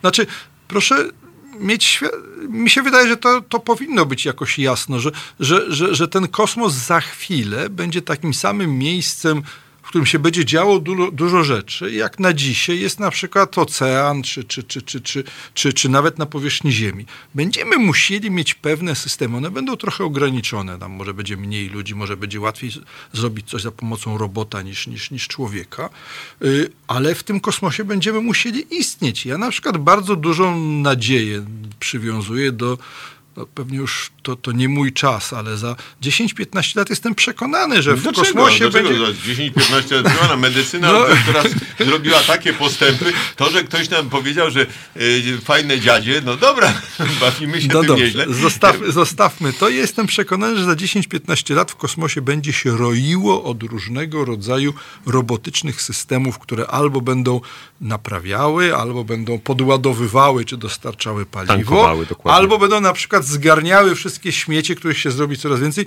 Proszę Państwa, proszę pamiętać, że 3000 obiektów działających na orbicie, ileś tam 300 tysięcy, o ile dobrze pamiętam, obiektów, które lata i które już nie działa, tak. ale każde zderzenie na tej orbicie powoduje, że tych obiektów się robi nagle następne ileś set tysięcy, czy ileś dziesiąt tysięcy. Więc No, kosmos, no, trzeba zrobić robota, który to zgarnie, zrobi porządek. robota, czy, czy całą, cały system, który będzie robił z tym porządek, to jest chyba tak. Być może to moje mówienie w tej chwili trochę przypomina mówienie o y, drogach w czasie, kiedy powstawały pierwsze samochody i przed takimi samochodami biegł człowiek z flagą Tak. i krzyczał, a wszyscy w gazetach mówili, co to będzie strasznego, jak się tych samochodów zrobi nie jeden na ulicy, tylko dziesięć, nie damy sobie rady, bo będą y, ofiary i A, tak a dalej. propos No. tego, przepraszam, to ja muszę, y, zaraz do, dojdę do pytania y, Wiza, ale wie pan, y, to również y, w zeszłotygodniowym y, programie padło. My się boimy rzeczy nieznanych. No i właśnie te y, pojazdy, y, które y, budziły taką obawę, no bo jak człowiek będzie jechał z taką prędkością 12 albo 14 km na godzinę, to mózg mu się może zaburzyć, a jak jeszcze krowa to zobaczy, to przecież nie będzie dawała mleka. Dokładnie. No w ogóle tragedia. I w ogóle wobec tego w Anglii właśnie dla dobra społeczeństwa wprowadzono ten y, akt czerwonej flagi, czyli ten pieszy, który mógł y, biec. No i dlatego Anglicy nie, y, nie stali się potęgą motoryzacyjną, tylko Niemcy, gdzie takich ograniczeń nie było. No bo zaczęli później. No, tak, no właśnie. Ale y, tu jest ciekawe pytanie. Co sądzą panowie o planowanej załogowej misji na Księżyc do 2024 roku, a potem na Marsa? Czy polscy naukowcy będą mieli szansę wziąć udział w takim przedsięwzięciu NASA, ESA czy Ilona Maska? No szanse to na pewno będą mieć e, polscy naukowcy. O tutaj wiem- na ten temat, w ogóle na wiem. wiele tematów, to pan, y, pan doktor y, Grzegorz Brona napisał w Człowieku Kosmicznym. Polecam książkę, no gruba jest książka, więc jak ktoś ma trochę czasu na czytanie, ale super ciekawa. No, zarwałem noc, ale, ale nie żałuję. E, Wracając do tego księżyca, rzeczywiście NASA ogłosiła powrót na księżyc do 2024 roku, aczkolwiek dosłownie kilka dni temu pojawiły się pogłoski o przełożeniu tej misji z powrotem na 2028. Dlaczego mówię z powrotem? Bo pierwotnie powrót człowieka na księżyc miał się właśnie w 2028 roku odbyć, ale Trump zauważył, że już wtedy nie będzie na pewno prezydentem, w związku z tym przyspieszył o 4 lata m, No powrót. tak, no łatwo o- o- do- obiecywać, że kto inny to zrobi. Dokładnie. Znaczy chciał, chciał odnieść duży sukces pod, pod koniec swojej ewentualnej drugiej kadencji, stąd 24 rok się pojawił, stąd duże ciśnienie było wywierane na NASA, stąd analizy, analizy poszły do przodu, natomiast od kilku dni dosłownie się mówi o tym, że jednak chyba do tego 24 roku się nie wyrobimy. 28 rok jest bardziej realny, a ten 28 rok się stąd wziął z kolei, że e, Chińczycy powiedzieli, że do 30 roku polecą na Księżyc e, z człowiekiem. A, no to trzeba ich wyprzedzić o dwa lata. Aj. Dokładnie, stąd Amerykanie najpierw powiedzieli 20, 28 rok. Ale przepraszam bardzo, bo tutaj znowu bardzo ciekawe pytanie, y, pytanie, stwierdzenie. Chętnie bym popracował na śmieciarce kosmicznej. Najfajniejsza robota zbieranie śmieci. No oczywiście, że naj... przede wszystkim bardzo pożyteczna. Do tego y, myślę, że zawód śmieciarza nie jest, no nie, nie, nie wiąże się z jakimś takim straszną dezaprobatą społeczną. Można znaleźć gorsze zawody. Myśl, myślę, że w dzisiejszych no, czasach zaraz on się gorsze, powinien. No, przepraszam bardzo, to jest jeden z podstawowych zawodów. Gdyby Dokładnie. nie to, to byśmy um- umarli Dokładnie. tutaj. Dokładnie. No i, i z drugiej strony możemy sobie wyobrazić, że, że rzeczywiście no w tej chwili się zaczynamy strasznie bać tych śmieci, ale ja głęboko wierzę w rozsądek ludzi i przede wszystkim w y, taką zdolność ludzi do znajdowania rozwiązań i jestem przekonany, że za, za, za niedługo problemy robotyczne w kosmosie będą jednymi z poważniejszych problemów, No tak, ale- takich y, bardziej aktualnych problemów. Ale w tych śmieciach kosmicznych to chyba Polska jednak się specjalizuje, prawda? Bo jednak to rozwiązanie z, em, z Politechniki Warszawskiej, Tak, taki tak. żagiel Do deorganizacyjny. zbierania tych śmieci. Nie, nie, nie, nie. Oni opracowali żagiel, który rozkłada się za satelitą, który przestaje działać na orbicie i ten żagiel poprzez starcie z resztk- resztkową atmosferą sprowadza z powrotem w atmosferę niedziałającego satelitę. I to było testowane, tak. Ostatnio było testowane półtora roku temu właśnie przez misję PWSAT-2 z Politechniki Warszawskiej żagiel się rozłożył. No i w tej chwili trwa powolna deorbitacja systemu, ale to nie jest jedyne rozwiązanie, bo inna z kolei grupa, firma z, z Pomorza opracowała sieć w ramach projektu SKA europejskiej. i Optina. Dokładnie. Tak? Opracowali sieć do łapania starych satelitów i ewentualnych, ewentualnego wrzucania tych satelitów w obszar atmosfery ziemskiej. Mamy z kolei spółki, które zajmują się tworzeniem teleskopów wykrywających śmieci kosmiczne i okazuje się, że Polska jest chyba przodownikiem w Europie, jeśli chodzi o ilość teleskopów, które szukają takich śmieci kosmicznych i zgłaszają śmieci kosmiczne do baz międzynarodowych. No więc to jest wbrew pozorom no, nasza specjalizacja ja i się nie ma co śmiać. Ja na koniec do, dla słuchacza mam jeszcze y, jedną propozycję, żeby zobaczył film Gravity, Grawitacja, jeżeli nie widział i tam zobaczy, jakie niebezpieczeństwa czekają na śmieciarza kosmiczne. O, no to, to nie pocieszył pan. E, dobrze, proponuję znów e, fragment muzyczny chwilę damy naszym słuchaczom i widzom odpocząć. Pozdrawiamy naszych widzów serdecznie. Proszę pamiętać, że mogą Państwo nas oglądać. No i jeszcze mamy przed sobą 40 minut, no minus tych kilka minut muzyki. Czekamy na Państwa.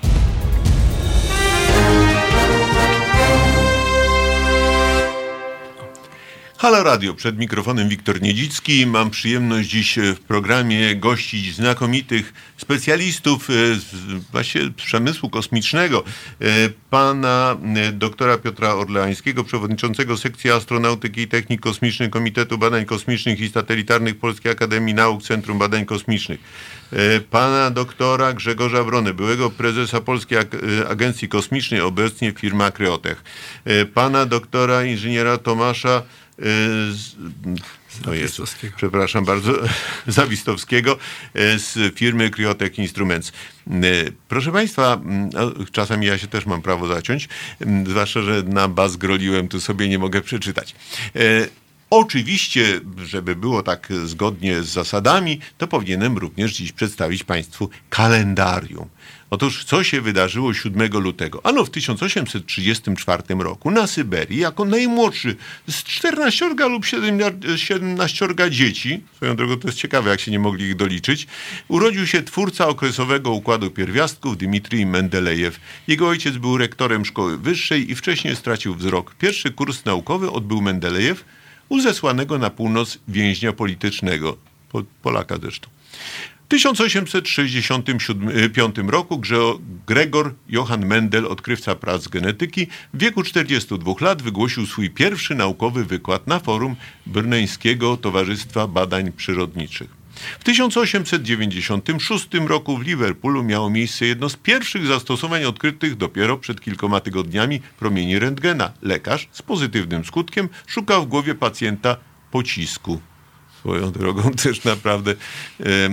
W 1932 roku James Chadwick stworzył pojęcie neutronu i oznajmił o tym w czasopiśmie Nature. Swoją drogą to Nature to wtedy drukowało błyskawicznie, bo wiedzieli, że naprawdę są to przełomowe sprawy. E, w 1984 roku, tu już jesteśmy bliżej naszej dziedziny, po raz pierwszy człowiek poruszał się swobodnie w kosmosie. Astronauci Challengera Bruce McCandless i Robert Stewart odbywali pierwszy w kosmosie spacer kosmiczny bez połączenia ze statkiem kosmicznym. No, wydawałoby się, że to tak dosyć niedawno, to już parę lat upłynęło. 8 lutego 1700 roku w Groningen w Holandii w rodzinie matematyków i fizyków przyszedł na świat Daniel Bernoulli. Zdobył liczne nagrody i wniósł znaczący wkład w rozwój nauki w wielu dziedzinach. Najbardziej znanym jego odkryciem jest prawo nazwane jego imieniem. Wraz ze wzrostem prędkości przepływu płynu maleje jego ciśnienie. No, prawo Bernoulliego, wystarczy te dwie kartki papieru, prawda, dmuchamy, kartki się sklejają, wszyscy to wiedzą, chociaż y, dalej to pozostaje sporą tajemnicą. E, jako pierwszy podał także właściwe wyjaśnienie zachowania się gazów w zależności od zmian ciśnienia i temperatury. E, z kolei w 1898 roku, już prawie, XIX, prawie XX wiek, bez w Stanach Zjednoczonych opatentowano maszynę do składania, klejenia i gumowania kopert. E, pan James Sherman otrzymał patent na urządzenie do składania sklejania kopert. Maszyna zmniejszyła koszty produkcji tysiąca kopert z 60 na 8 centów. Ale proszę pamiętać, że to były inne centy, to w ogóle inna zabawa. E, I jeszcze dwie informacje. W 1928 roku w stanie Nowy Jork odebrano pierwszy transoceaniczny przekaz telewizyjny. E, Obraz e, pokazywał panią Mia Howe, a został nadany przez Johna Berda ze stacji w Purley w Anglii. No to już było coś. No i 9 lutego, czyli tak jakby jutro, ale rocznica, w 1971 roku po trzecim pobycie człowieka na Księżycu wrócił na Ziemię Apollo 14. I w 1969 dziewiczy lot odbył pierwszy na świecie jumbo jet Boeing 747. No, wydaje się, że one zawsze były. No to, to było tak, żeby, żeby jakoś, ja wiem, może Państwa podbudować, a może po prostu zainteresować, bo nauka to nie tylko, nie tylko te wzory, wszyscy narzekają na te wzory. Swoją drogą, kiedyś dowiedziałem się, że każdy wzór zmniejsza liczbę czytelników o połowę, no to wobec tego, y, wobec tego my też nie będziemy o wzorach mówili, no ale na pewno tego typu ciekawostki zachęcają do studiowania czy do nauki. No dobrze, to w takim razie wróćmy do kosmosu. Y, powiedzmy, a właściwie po co nam ten cały kosmos? A w ogóle może nam to jest do niczego niepotrzebne, można żyć bez tego kosmosu. Ludzie przez tyle y, sety czy tysięcy lat nie latali w kosmos i jakoś żyli. To proszę powiedzieć, coś mamy z tego kosmosu? My bezpośrednio? Oj, e, sektor kosmiczny jako całość to jest mniej więcej 360 miliardów dolarów obrotu.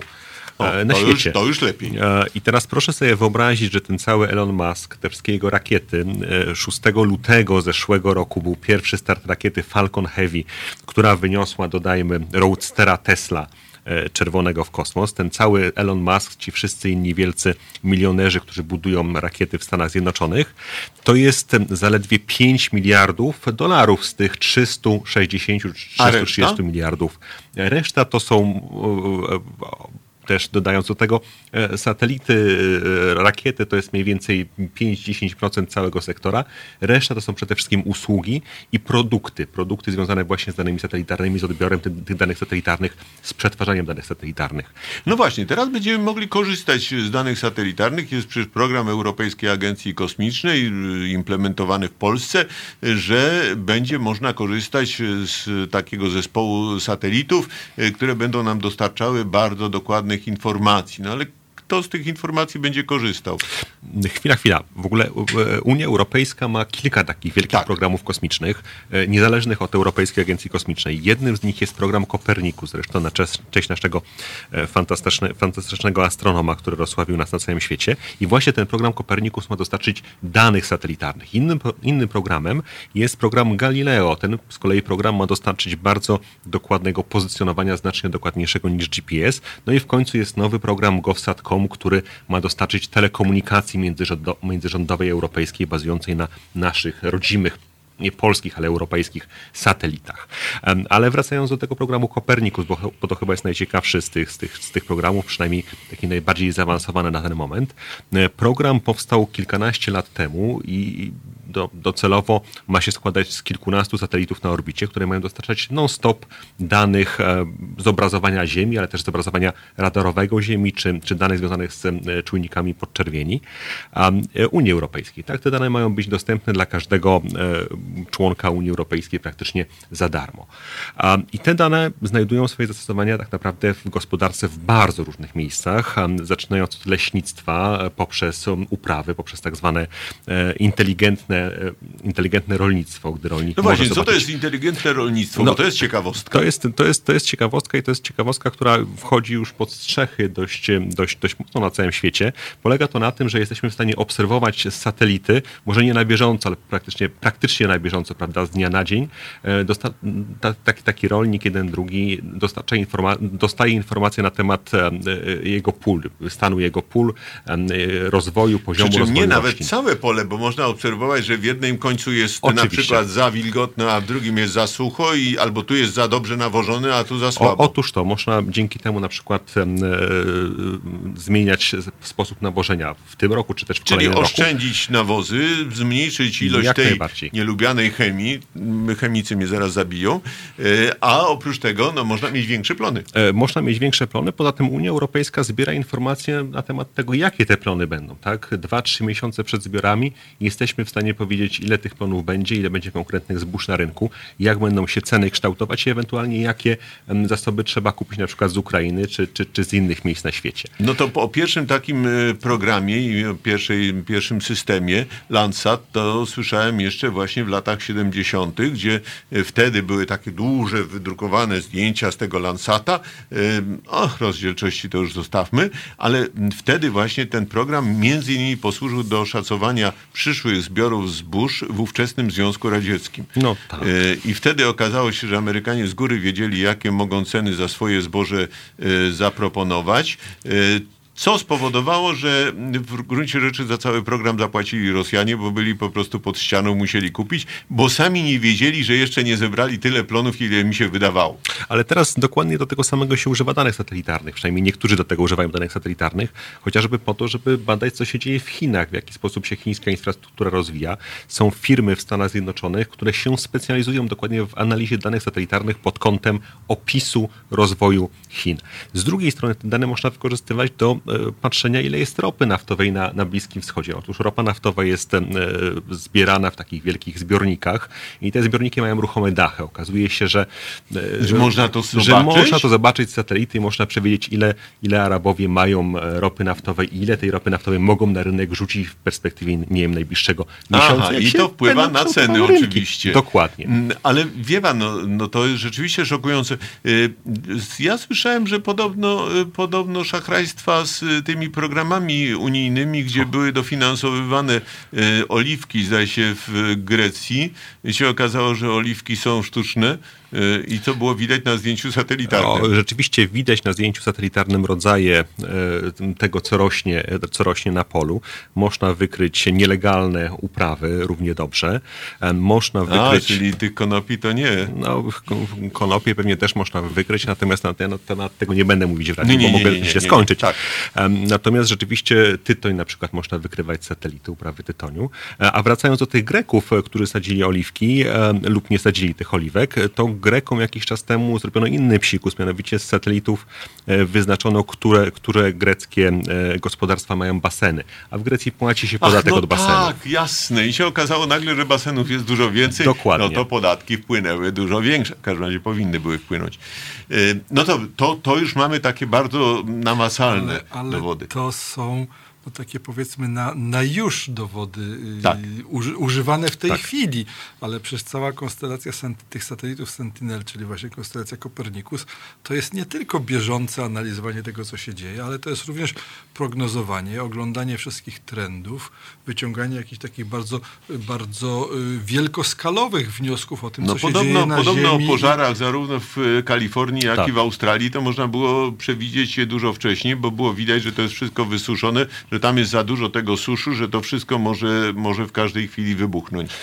Dokładnie, suchość terenu, ale też wilgotność terenu można dość dokładnie satelitów wyznaczyć. No i właśnie idąc w tym drugim kierunku, badanie wilgotności może służyć na przykład przewidywaniu powodzi i przewidywaniu tego, ile dana gleba jeszcze jest w stanie wchłonąć wody i czy powódź po jakimś deszczu się pojawi, czy też się nie pojawi. Więc Tu myślę, dużo. że największym, proble- największym problemem chyba przed nami w tej chwili stoi, stoi nie to, co można z tymi danymi zrobić, bo wiadomo mniej więcej, co można zrobić, tylko żeby to, co można z nim zrobić, zostało efektywnie wdrożone w, w gminie, w państwie, w Europie. No w Europie być może to już nie jest nasz problem, ale w gminie na pewno. Czy, czy, A, czy, bo, czy, czy, a bo oni nie chcą chcieć. w dużej mierze nawet nie wiedzą, że mogą. Aha, no tak. No dobrze, no to... A o- jeżeli, jeżeli nawet wiedzą, to w bardzo dużym mm, i w bardzo dużej ilości przypadków y, nie mają podstaw prawnych do tego, żeby tego używać. Aha.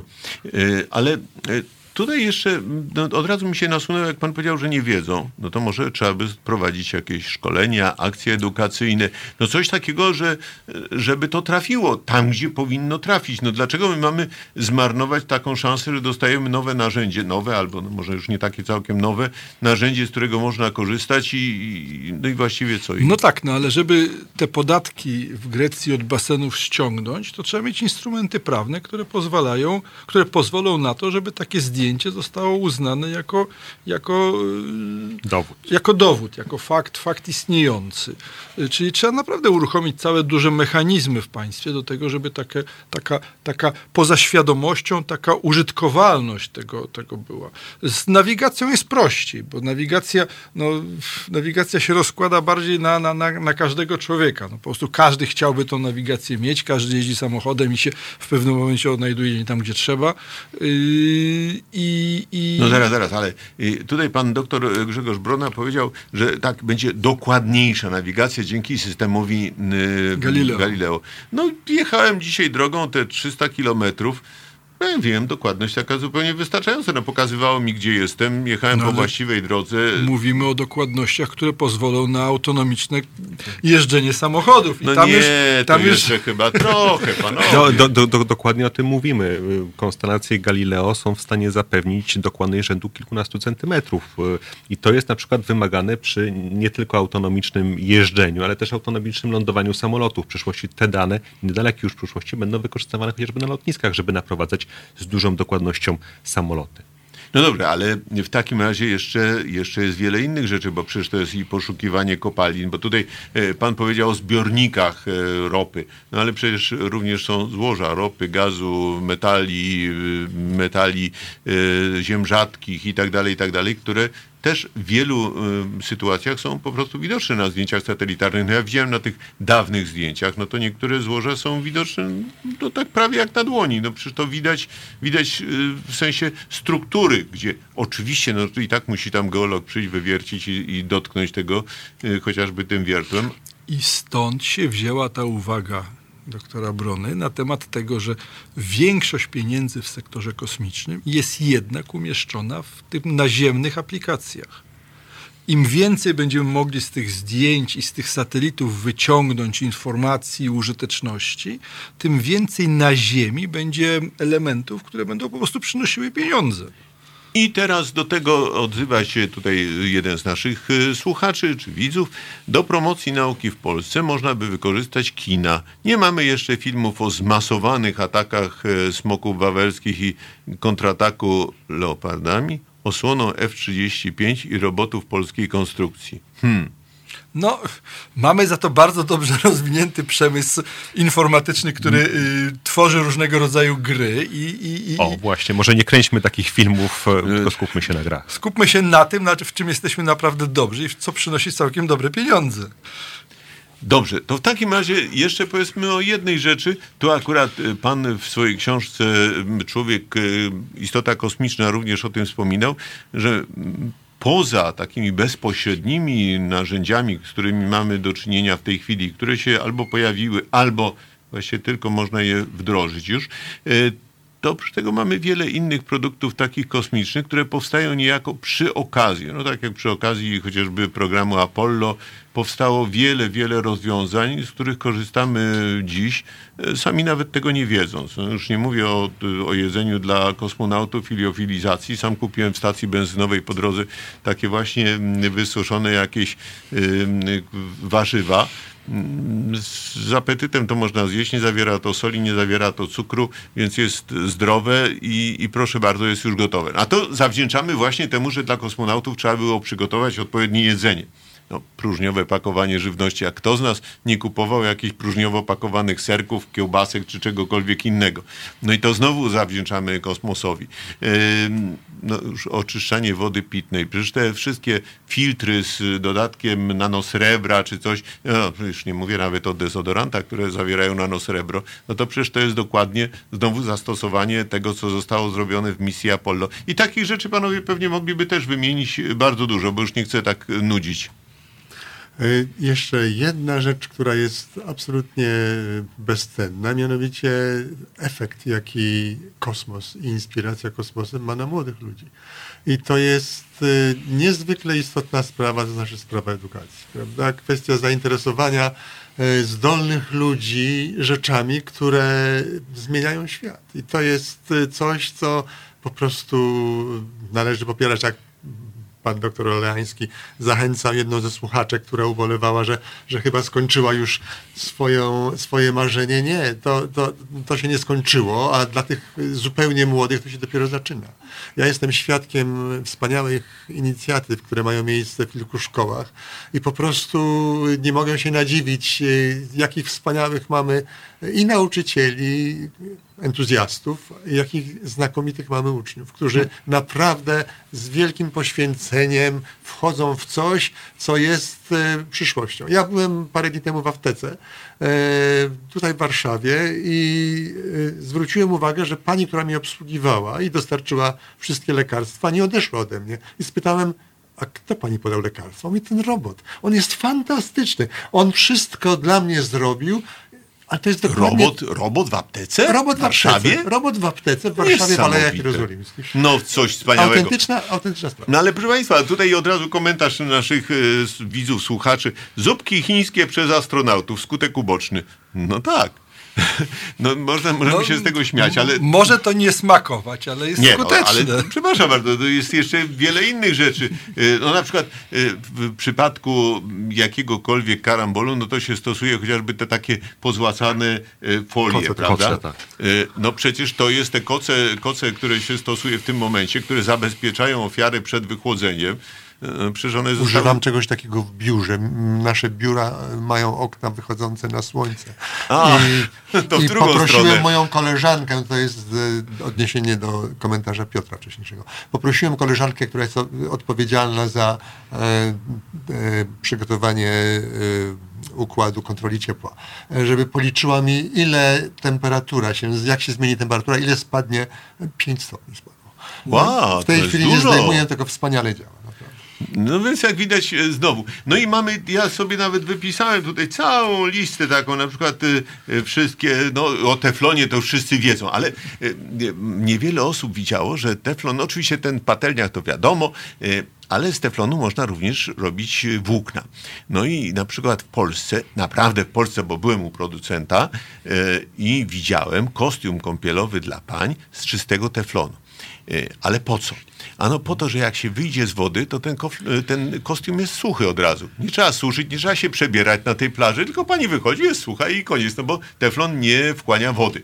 E, I takich rzeczy mamy multum, no różne piany, pianki, kleje. E, Panowie to pewnie pamiętają, jak się kiedyś buty rozklejały, prawda? E, Przecież to wiadomo, to odłaziła ta podeszwa. Teraz nie, no bo one są właśnie produkowane tak, jak kiedyś dla Nadal kosmonautów. się rozklejają, tylko z innych się? powodów. No nie, no Dobrze, panie ale doktorze. panie redaktorze, może powiedzmy sobie tak. y, Jest olbrzymia ilość zastosowań i rezultatów działalności kosmicznej i ponieważ kosmos jest i nas ciekawi, to on na pewno będzie eksploatowany. Jeżeli sobie pomyślimy o tym, jak kiedyś ludzie podchodzili do telefonów komórkowych, jakim mm, jaką nobilitacją było trzymanie na y, siedzeniu w samochodzie telefonu komórkowego analogowego wielkości encyklopedii. Tak. I jak niewiele można było z tym telefonem zrobić. I No jak, nic, tylko telefonować i to nie zawsze. I to nawet nie o to chodzi, że nie można było z nim zrobić, ale jak niewiele ludzie mieli pomysłów na to, co z tym zrobić. I jak te wszystkie pomysły w tej chwili są realizowane i mamy pełną gwarancję, że możemy komentować, czy to jest dobrze, czy to jest źle, ale te telefony w naszym życiu istnieją i zajmują coraz więcej miejsca i coraz lepiej nam służą. I ja myślę, że, że, że z tym kosmosem będzie dokładnie tak samo. Niezależnie od tego, ile byśmy tych zastosowań w tej chwili wymienili, to i tak jesteśmy w stanie wymienić tylko 5% tego, co się w przyszłości może, może zdarzyć. To jest olbrzymia przestrzeń, olbrzymie pole do popisu i ja myślę, że po prostu powinniśmy wykorzystać z jednej strony to, co pan Tomasz mówił, taką, takie aspiracje młodych ludzi i chęć młodych ludzi do robienia czegoś unikatowego, czegoś, czegoś no może ja powiem tak. Myśmy kiedyś, jak robili satelity, jak montowali te satelity Bright, to ja wtedy z Politechniki zatrudniłem w laboratorium około 15 młodych inżynierów. I kilka miesięcy czy lat, może ze dwa lata potem, jednego z nich się zapytałem, czemu ty jeszcze jesteś w tej firmie i co cię tutaj trzyma? I dostałem bardzo fajną odpowiedź, bardzo śmieszną odpowiedź. Piotrze, ja jestem tutaj, bo to jest najlepsza piaskownica w Warszawie. O, Ja mam takie zabawki, w sensie aparaturę, jakiej prawie nikt nie ma dookoła. Ja mam tutaj wszystkich swoich kolegów z podwórka, bo rzeczywiście myśmy ściągnęli studentów z elektroniki i mechaniki, którzy razem byli w kole y, astrono- astronomicznym. Ja robię takie rzeczy, że wszyscy mi naokoło zazdroszczą. I dodatkowo jeszcze w miarę dobrze płacą. O, i to jest ostatni argument, też jest niezły. Ale to w takim razie ja się podzielę też swoimi mm, spostrzeżeniami. Po pierwsze, no mamy telefony komórkowe, y, w nich są miniaturowe aparaty. No to też jest właśnie wynik. Y, Potrzebne były takie aparaty dla kosmonautów po to, żeby oni nie musieli trzymać w rękach tych Hasselbladów. No pierwsze to były Hasselblady, przecież ciężkie y, i, i dosyć nieporęczne. To trzeba było jednak pilnować na sznurku, to wisiało. Tak można było zrobić zdjęcie. Po drugie, to, że taka szyba się nie rysuje, no to przecież też specjalne szkła, które właśnie trudno jest zarysować. Ale powiedział pan o, tym, o tej piaskownicy i o tej dobrej, dobrej zabawie. E, Znaczy, to jest z jednej strony piaskownica i dobra zabawa, z drugiej strony to jest jednak wielka odpowiedzialność i ciężka praca, ale ja myślę, że to jest takie fajne połączenie tych dwóch rzeczy. Ale to może pan doceni. Ja też mam ciężką pracę i bardzo odpowiedzialną i się świetnie bawię. Proszę pana, od Dokładnie. 45 lat się świetnie bawię. Zapraszam sobie wspaniałych gości, którym dziś serdecznie dziękuję. Dziękuję panu doktorowi Piotrowi Orleńskiemu. Dziękuję państwu panu bardzo. doktorowi Grzegorzowi Bronie. Dziękuję dziękuję bardzo. panu doktorowi Tomaszowi Zawistowskiemu. Już teraz się nie zaciąłem. E, I bardzo się cieszę, że panowie byli. Proszę państwa, to już bezpośrednio do słuchaczy. I to jest właśnie całe moje szczęście, że spotykam i poznaję wspaniałych, ciekawych ludzi, y, których warto zapraszać, z którymi warto rozmawiać. A przy okazji mam kontakty z tysiącami, a, no tak, z wieloma tysiącami widzów, słuchaczy, y, którym mam nadzieję, że sprawiamy przyjemność dzięki temu, dzięki nam, dzięki naszej rozmowie. Mam nadzieję, że spędzili Państwo dobrze te dwie godziny z ciekawością. Dziękuję bardzo. Halo Radio. Marek Czyż, dzień dobry Państwu. Tak samo jak Wy, jestem konsumentem tego, co media produkują, chociaż robię w tym zawodzie. Ale jedno wiem na pewno, od Was, a od siebie trochę też. To menu, które nam jest serwowane codziennie, jest coraz bardziej jednostajne, coraz mniej urozmaicone i coraz bardziej ich, a nie nasze. Jeśli Państwo chcecie takiego medium, które będzie do Was mówiło, ale także z Wami rozmawiało, to musicie sobie stworzyć. Nie ma kłopotu. Są ludzie, którzy potrafią to zrobić, trzeba ich tylko wesprzeć. Fundacja Obywatelska to jest dobry adres. Ona tworzy radio z wizją. Trzeba je wesprzeć. Ja w to wchodzę, a Państwu polecam. www.halo.radio ukośnik SOS.